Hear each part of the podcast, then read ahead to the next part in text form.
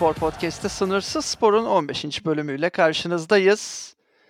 Bu bölümü de uzun bir aranın ardından sonra e, Eurolig'e döneceğiz. Euroligi temel alacağız. Ve sevgili e, Deniz Alper bizlerle birlikte olacak. Yine her zaman olduğu gibi e, programımızın önemli ismi e, karşınızda. Hoş geldin. Merhaba. Evet, sana pas atarak başlamak istedim. Çünkü Euroleague ve açılış maçı Barcelona, Anadolu Efes. O yüzden zaten programın en önemlisi İmaz Sensi. Bu hafta önemin daha da artıyor. Bu hafta tamamen sana odaklanacağız. Sadece ben değil, dinleyiciler de sana odaklanacak. Senden hem bir Barcelona yorumu hem gördüğün kadarıyla bir Anadolu Efes yorumu. Çünkü sen yerinde izledin. Ben televizyondan izledim. Yani çok gezen bilir. Bugünkü temamız bu. O yüzden sen daha çok gezdin, daha çok gördün. Bize gezdiklerini, gördüklerini ve maçı anlat. Başlamadan önce yeni Euroleague sezonu hayırlı olsun. Sonunda tekrar başladı. Mutluyum, heyecanlıyım. Ee, bu hafta da Barcelona'da Türk basketbol haftası yaşandı. Önce Badalona Beşiktaş sonra da Barcelona Anadolu Efes maçlarıyla. Ee, ikide birle bitirdik. Ya Barcelona Anadolu Efes maçıyla ilgili olarak e, şimdi iki takım da bu sezon değişikliklere gitti. İki takım da çok iyi başlamadı pek sezona. Ama yani yeni sistemlerin oturması için biraz daha zaman vermek gerekiyor. Peki Anadolu Efes'te sen bir değişim görebildin mi? Yani ilk adımları var mı? Ya Erkan Yılmaz başta olmak üzere yerli rotasyonun gelişmesi çok olumlu. Ee, onun dışında savunmada da geçen seneye göre gelişme var. Rotasyon evet değişti ama kilit oyuncular hala aynı. Eksi Mitsic. Ee, yine de biraz zaman vermek lazım. Sen ne diyorsun? Ya şöyle ben ya Anadolu Efes'in hani Barcelona maçını da seyrettim evet ama ya, lig maçını daha fazla seyrettim bu arada. Yani ilginç biçimde. Yani Barcelona maçında çünkü biliyorsun yayınım vardı. Hani takip ettim evet. Yayında açıktı. Bunu da itiraf etmiş olayım. Barcelona Efes maçı açıktı yayında. izledim. Ama yani Anadolu Efes Bodrum maçı vardı mesela. Hafta sonu olduğu için onu daha rahat izledim. Hani iki maçtan çıkardığım sonuç şu. Erkan Yılmaz'a vurgu yaptın. Erkan Yılmaz'ın mutlaka e, bu takımın en önemli parçalarından biri olması gerekiyor. E, müthiş bir enerji veriyor. Ben Anadolu Efes'te bir fark gördüm. Bence e, biraz daha e, taşları yerinden yavaş yavaş oynatma taraftarı e, Erdemcan. Yani orada bir değişim olacak. Bunun işaretlerini alıyoruz. Yerler daha fazla sorumluluk alıyor mesela. E, yerli rotasyonu biraz daha fazla kullanılıyor. E, uzun rotasyonunda önemli bir e, değişiklik var. Ama yani bu süreçler içerisinde hani ana parçalar dediğimiz temel parçalar ve sorumluluk alan isimler tabii ki aynı kalıyor. Bence orada da e, sezon içerisinde senin de söylediğin gibi biraz erken sezon içerisinde bir değişim göreceğiz ama ben Anadolu Efes'in şu anki performansını çok beğenmedim açıkçası. Onu net şekilde söylemek lazım. Anadolu Efes'in en büyük şansı şu bence şu ana kadarki süreçte. Fenerbahçe Beko da çok formda değil. Yani Türkiye Ligi'ne ve hani Türk takımlarına daha ayrıntılı yer vereceğiz bugün. Zaten Fenerbahçe Beko'yu da konuşuruz. Ama yani Anadolu Efes'in bence şu an en büyük şansı Fenerbahçe Beko'nun da çok yüksek perdeden sezona girmemiş olması. O yüzden bu biraz daha sabır olarak dönecek Erdemcan ve Anadolu Efes cephesine. Barcelona'ya değinmek gerekirse ben açıkçası Barcelona'nın oyununu ya 17 sayı fark attılar ama bence maçın hakkı 17 sayılık bir fark değildi. Bilmiyorum sen katılır mısın? Evet bence değildi. Zaten son 6-7 dakikaya kadar başa baştı maç. Hani son dakikalarda da artık bir noktada Anadolu Efes maçtan vazgeçtiği için fark o kadar büyüdü. Ondan sonra Andorra maçını izledik seninle birlikte. Ee, yani izlerken bayağı bir konuştuk, üstüne yazıştık vesaire. Hani oradaki performansı beğenmedim. Palencia maçında, Valencia değil Palencia, P ile. Çakma Valencia. Öyle de demeyelim şimdi. Eş dost var orada, tanıdık var. Ee, öyle demeyelim. Bir şey olur, bir şey iste, isteriz. Deriz ki programımıza gelin vesaire. Öyle demeyelim. Ama yani Palencia karşısında da hani son topta biraz da bence Palencia'nın deneyimsizliğinden gelen bir galibiyet oldu. Barcelona için. Yani uzatmaya gitti. Yani orada makul bir takım olsa, orta seviye bir takım olsa, ACB için söylüyorum, muhtemelen o maçı bir şekilde noktalardı. Yani Barcelona'da zamana ihtiyacı var, ritme ihtiyacı var. Ama ben Grimao'nun biraz erken bu suya atladığını düşünüyorum. Öyle söyleyeyim. Evet, bunu dünyada düşünen tek kişiler biz değilizdir muhtemelen. Eee, yani İspanya 3. liginden çıkıp birdenbire Barcelona'nın başına geçti. Neredeyse hani tırnak içinde amatör bir ligden Euroleague seviyesine geldi birdenbire. Kolay bir geçiş değil tabii ki. Eee, gizemini de hala biraz koruyor. Ya tabii asıl sebebi e, işte finansal problemler. Özellikle Yasikevicius'a verilen yüklü bir emeklilik ikramiyesi veya golf ödeneği bir başka deyişle. Ee, işte Barcelona değişikliğe giden takımlardan biri. Geçen seneye göre daha iyi bir kadroları var bence Barcelona'nın. Ee, Mirotic'in gidişi özellikle bence çok olumlu oldu. Ligdeki yani kazandığı parayı en hak etmeyen oyuncu bence takıma hiç liderlik edemiyordu. Yani Yasikevicius'la birlikte sürekli bir negatif hava oluşturuyorlardı. Özellikle de soyunma odasında. Ee, bence şu anda Milano'ya da liderlik edemiyor. Kişilik olarak liderlik vasfı gerçekten yok kendisinin. Bu da liderlik vasfı. Li efendim? Liderlik vasfı önemli tabii. Liderlik vasfı olmayınca biz ülkemizde neler olduğunu biliyoruz. Evet, liderlik vasfı, evet, liderlik vasfı önemli Mirotic. Mirotic'in de liderlik vasfı yok. Haklısın.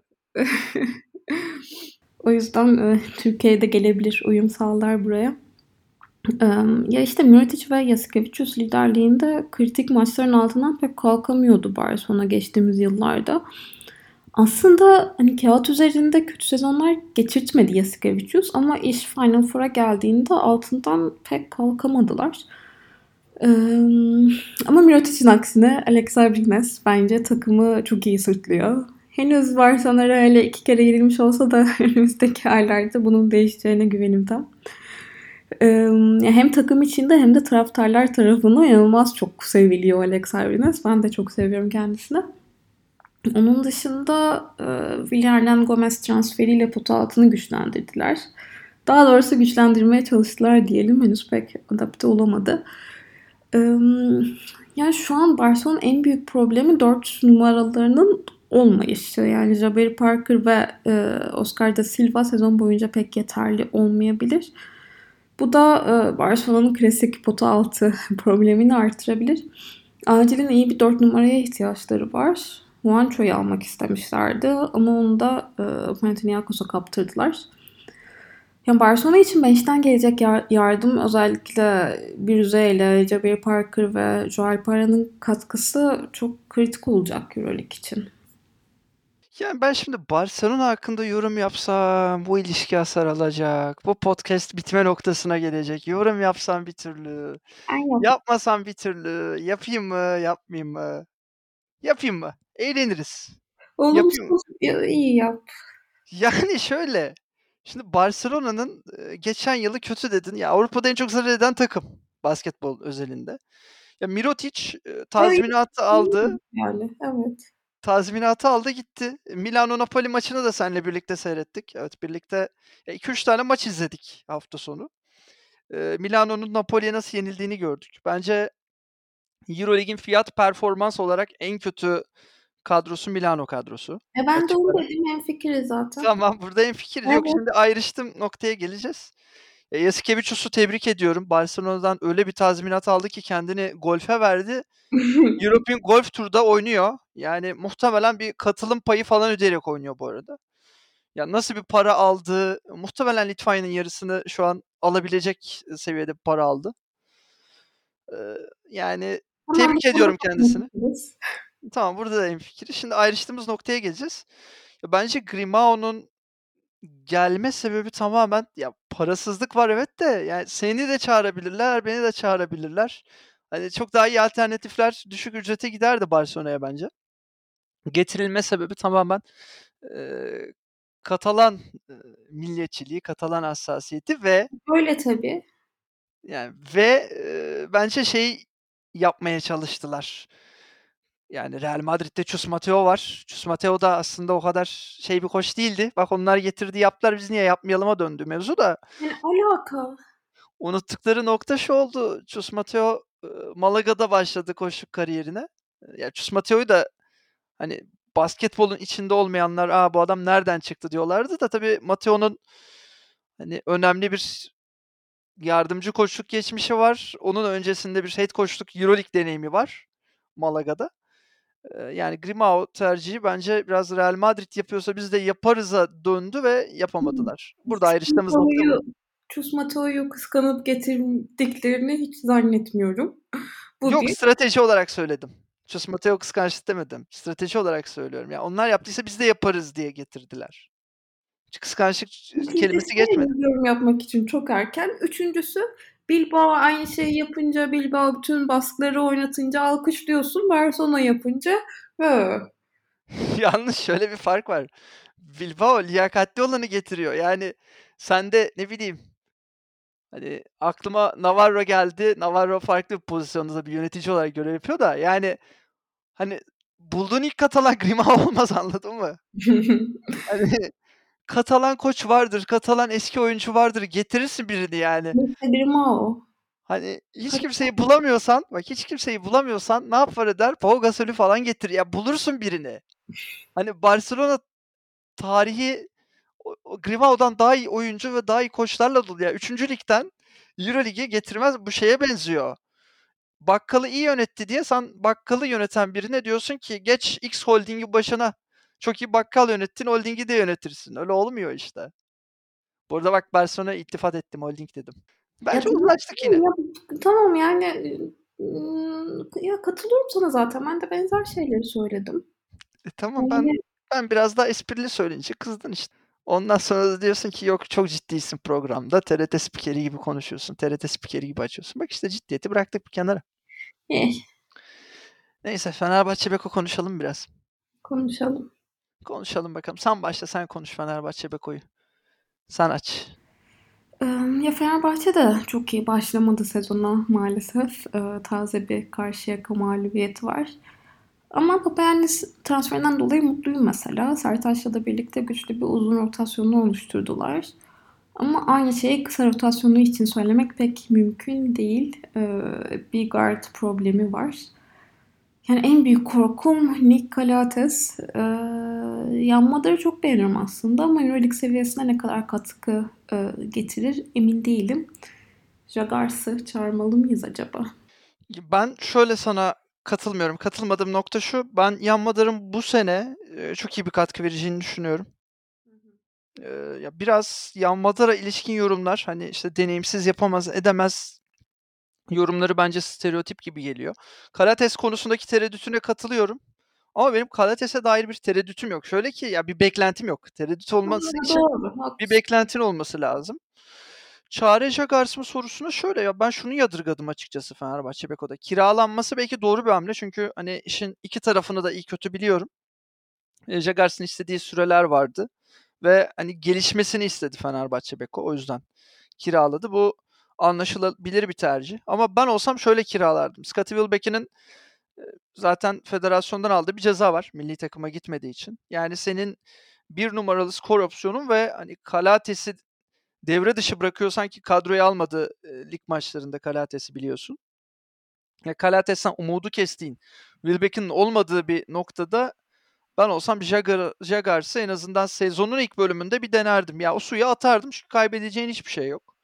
Euroleague'de olmasa bile Türkiye Ligi'nde bir fırsat verirdim. Ya ben hani tek bir oyun kurucuyla devamlı oynamayı doğru bulmuyorum.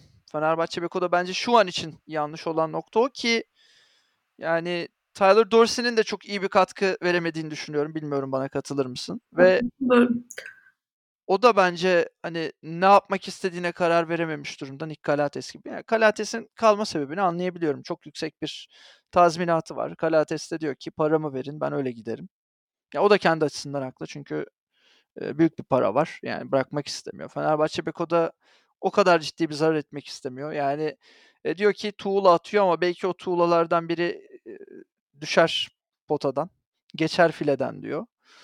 E, yani Fenerbahçe Beko'nun uzun rotasyonunu bu arada ben de beğendim. Yani Papayannis eklemesi bence doğru bir ekleme. Ve Fenerbahçe'nin ihtiyacı olan bir ekleme. Ama Fenerbahçe Beko'da iki tane sorun var. Yani Euroleague bağlamında baktığımızda senin de söylediğin gibi bence kısa kalitesi yeterli değil. Ve kısa rotasyonunu da çok iyi kullandığını düşünmüyorum. Yani Jagars ayrı bir örnek. Şehmuz'u daha fazla değerlendirme noktasına gidilebilir. Eee, çok istikrarlı bir oyuncu değil belki ama en azından ona o güven verilebilir. Yani seni deniyoruz denene dene dene seni deniyoruz denebilir ama o da yapılmadı. Yani, eee, o da yapılmayınca Fenerbahçe Beko şu an tek gardla, eee, ve hani 1.5 ııı, 2 numarayla oynuyor. Eee, ve bence bench katkısı Fenerbahçe Beko için bu sezon belirleyici olacak. Orada rotasyonun oturması lazım. Bence Fenerbahçe Beko yani hedefi ne olarak belirleyecek o da önemli bir soru işareti, önemli bir, nokta. Eğer diyorlarsa ki bizim hedefimiz Final Eight ve sonrasında Final Four'a bakacağız diyorlarsa bu kadro yeterli ama direkt Final Four'a Fenerbahçe Beko'yu şu an yazabilir miyiz? Ya da o kadar umut veriyor mu? Bence vermiyor. Şu an için vermiyor. Bu değişebilir sezon içerisinde ama ya bu guard rotasyonuyla bence zor. Bilmiyorum sen ne diyorsun? Ya evet hem Fenerbahçe hem Anadolu Efes için Final Eight çok olası ama Final Four için her iki kadro da bence eee, şu anda pek yeterli değil gibi. Şöyle farklı bir noktadan geleceğim ben. Sana şöyle sorayım. Şu an itibariyle Final Four'a gidecek 4 tane takım yaz desem. Sadece kadrolara bakarak ama. Ya oyunu bir kenara bırakalım. Kadro kalitesi olarak. 4 tane takım söyle desem kimleri sayarsın? Ya ilk aklına gelenleri söyle. Real Madrid, Monaco, Olympiakos. Eee, yani şimdi sadece kadrolara bakınca deyince Milano'yu koysam mı koymasam bilemedim. Çünkü kadroya bakınca koyasım geliyor ama Oyun eee, olarak gelmiyor ama evet. ama şöyle söyleyeyim ya mesela 3 tanesinde bence ortak şey çıkartırız. Yani işte Olympiakos, Real Madrid dedik zaten 2 koltuk kapıldı. Eee, Evet. 3'e Yani 3'e Atalanta, Panathinaikos, Monaco diyeyim. Yani işte benzer şeyler çıkar. Belki farklı bir takım söyleyebiliriz ama yani ikimizin de ortaklaşacağı takımlar Anadolu Efes ve Fenerbahçe Beko olmaz burada. Evet. Yani eğer direkt Final Four hedefi ise burada ortaklaşacağın eee, takımlardan biri olarak olması lazım bence. İkimizin de ortaklaşabiliyor olması lazım. Yok evet yani şu anda eee, bu oyun ve bu kadrolarla Final Four iki takım için de zor gibi gözüküyor. Ya ilk hafta bence keyifliydi EuroLeague ya. Çok da özlemişiz. Haftanın maçını seçecek olsam ben eee Bologna Žalgiris maçını seçerdim. Ay evet o. Yani çok talihsiz maç oldu tabii de. Benim eee Luka Vanki eee fanboyluğumun eee, hasar aldığı ve üzüldüğüm bir maç oldu. Eee, yani Žalgiris o kadar beklenmedik biçimde döndü ki. Gerçekten son çeyrek. Ya tabii Bologna'nın kadrosu da bir emekliler heyeti gibi. Yani eskiden şeylerde olurdu. İhtiyarlar heyeti olurdu muhtarlıklarda. Gerçekten ihtiyarlar heyeti gibi. Ama ya kendi evinde de Žalgiris'i yenersin diye düşünüyorum bir yandan ama haftanın en keyifli maçı olarak ben bu maçı seçiyorum. Bilmiyorum bana katılır mısın? Ya da senin farklı bir maç önerin var mı? Ya yok o güzel maçtı gerçekten. Ben de onu seçerdim herhalde.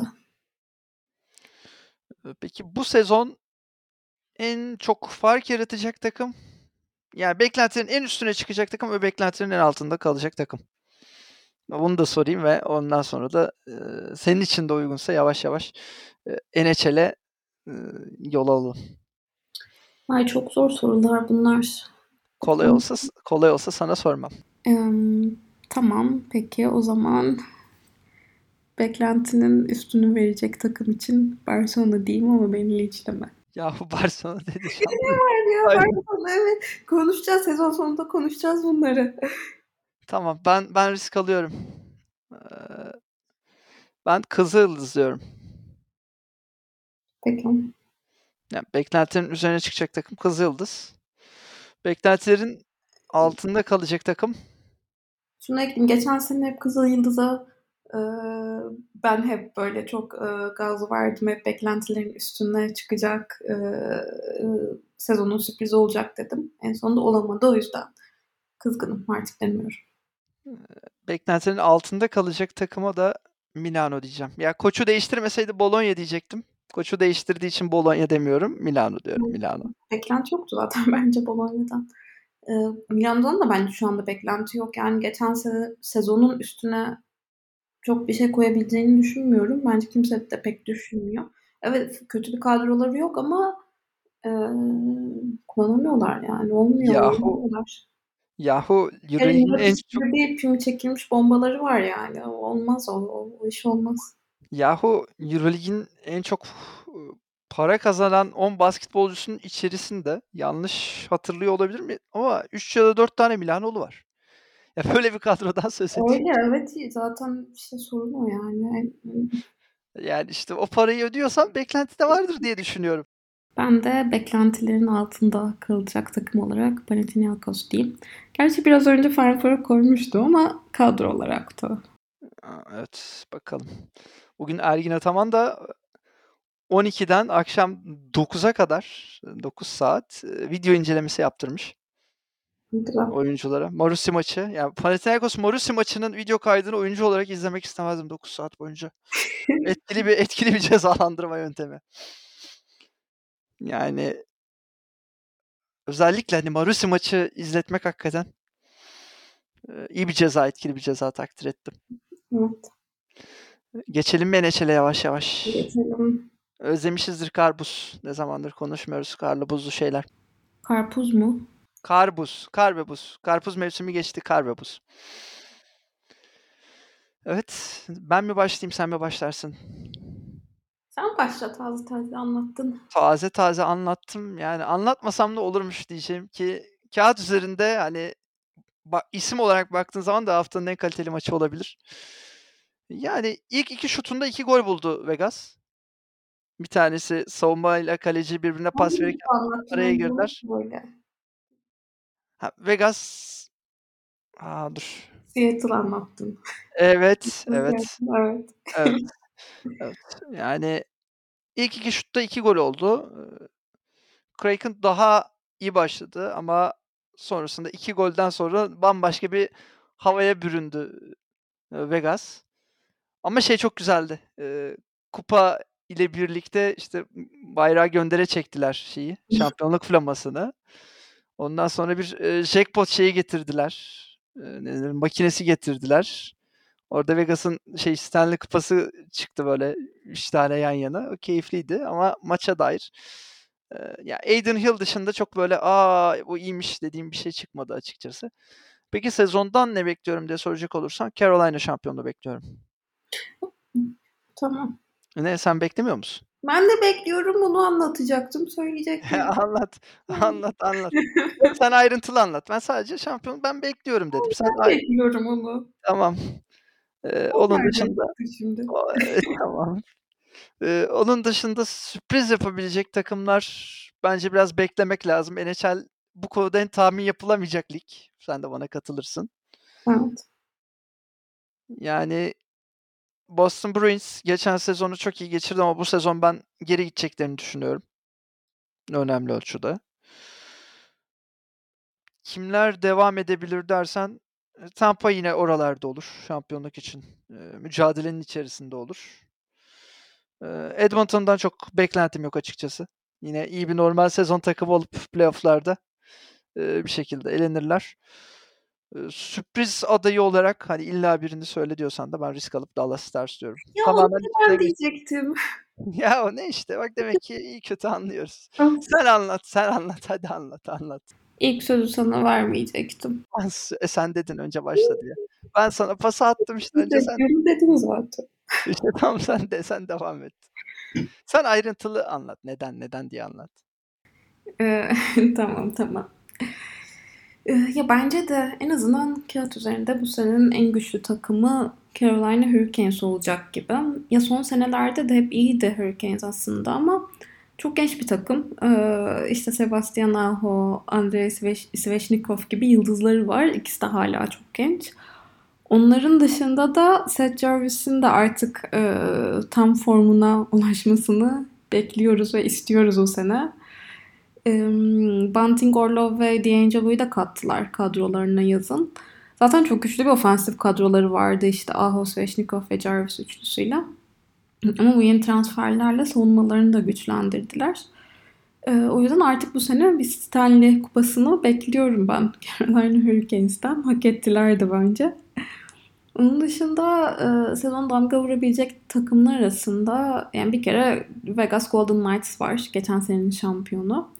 Hala çok iyi bir kadroları var. Yine normal sezonu büyük bir aksilik olmazsa üst sıralarda bitireceklerdir.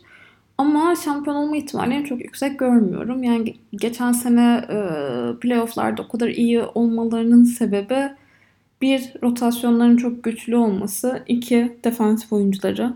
Dünyanın en iyi forvetlerine geçiş vermemişlerdi geçen sene playofflarda. Ama bu sene kadroları birazcık daraldı. Ee, çok kişi gitti takımdan. O kadar iyi defansif oynayabileceklerini de çok düşünmüyorum. Ama yine de normal sezonda en az gol yiyen takım olma ihtimalleri yüksek. Ee, bunlar dışında normal sezonu üst sıralarda bitirebilecek takımlar arasında yine Edmonton var. Onlar da ligin en iyi oyuncularından Draisaitl ve e, Connor McDavid'e sahip. Hatta Conor McDavid yani gelmiş geçmiş en iyi buz hokeycisi olabilir. Yıldız oyuncuları var evet ama devamını pek getiremiyorlar özellikle playofflarda. Şey gibi Mayıs gibi adaya veda etti. Edmonton adaya veda etti spotuyla yayına gireriz burada. O Evet. haber gelir bize. New Jersey yine iyi. O da geçen senenin sürprizlerinden biriydi. Bu yine sezonda yine üst sıralarda bitirirler büyük ihtimalle. Colorado'yu yine yukarılarda görürüz. Ben de katılıyorum sürpriz yapabilecek. Yani en büyük sürprizi Dallas Stars'dan bekliyorum ben de. Çünkü ofansif olarak çok derin bir takımlar ve ben Miro Heiskanen'i de çok beğeniyorum. Bunu da ben diyecektim. Tam böyle hazırlandım. Heiskanen diye böyle girecektim giremedim. Ha, Neyse. ben çaldım. Bir de kehanet bırakayım. Bence Penguenler playoff göremeyecekler bu sezon. Dün müthiş başladı Penguenler. 2-0'dan 4-2 Chicago Blackhawks'a kaybettiler. Evet. 2-0 öndelerdi. Müthiş kaybettiler yani. Geçen sezon da bu sıkıntı vardı konuşmuştuk hatırlıyorsan. Evet evet. Öne geçip kaybediyorlardı. Ya hazır değinmişken Chicago evet çok iyi bir takım değil ama orada da Connor Bedard var. Geçen seneki draftın bir numarası. Onu izlemek de keyifli olabilir bu sene Chicago'da. Onun dışında ya geçen sezon iki sezondur en azından iyi olan takımlar arasında Tampa Bay ve Florida Panthers'tan çok bir şey beklemiyorum ben bu sezon açıkçası. Boston Bruins ve New York Rangers yine ortalama bir performans ortaya koyarlar muhtemelen. Yani işte konferans böyle işte 3. 4. sırada bitirip playoff'lara atarlar kendilerini ama çok büyük bir beklentim yok. Yine geçen sezonun e, sürpriz takımlarından biri Seattle Kraken bu sezon aynı sürprizi yapabilir mi? Çok güven vermiyor bana. Böyle yani kısaca. Ben son bir sürpriz eklemek istiyorum. Yani aday, benim adayım. Adaylarımdan biri Dallas'la beraber. Ben Vancouver'dan da umutluyum. Bu da kayıtlara geçsin diye söylüyorum sadece. Peki. Ben pek umutlu değilim. Ee, tabii çok fazla takım var ve hani senin dediğin gibi en fazla sürpriz olan e, liglerden biri veya sporlardan biri. Gerçekten en çok tahmin edilmesi en güçlü iki sporu seçecek olursam böyle kayakla atlama ve e, buz hokeyi derdim herhalde. O yüzden e, mutlaka konuşmadığımız, aklımıza gelmeyen sürprizler olur. Onları da sezon içerisinde ve bu, şu anda konuşmadığımız diğer takımları da sezon içerisinde konuşuruz. Başka eklemek istediğim bir şey var mı? Kapanış e, seansına geçeyim mi? TRT spikeri moduna geçeyim mi? Dur şöyle Evet. bir. Alternatif Spor Podcast'i Sınırsız Spor'un 15. bölümünün sonuna geldik. Euroleague'e merhaba dedik, NHL'e merhaba dedik. Euroleague ve NHL'i konuştuk. Biraz yeni sezon öncesi bir ön bakış yaptık. Çok gezen, çok bilen ve çok okuyan e, Deniz Alper bizlerle birlikteydi. E, Yine Barcelona'dan e, bizlere eşlik etmeye, bizleri aydınlatmaya devam edecek. Yine Barcelona maçlarında kendisini görebilirsiniz. Keyifli bir EuroLeague ve NHL sezonu diliyoruz herkese. Bizlerden bu bölümde bu kadar. Bir sonraki bölümde görüşmek dileğiyle. Hoşça kalın.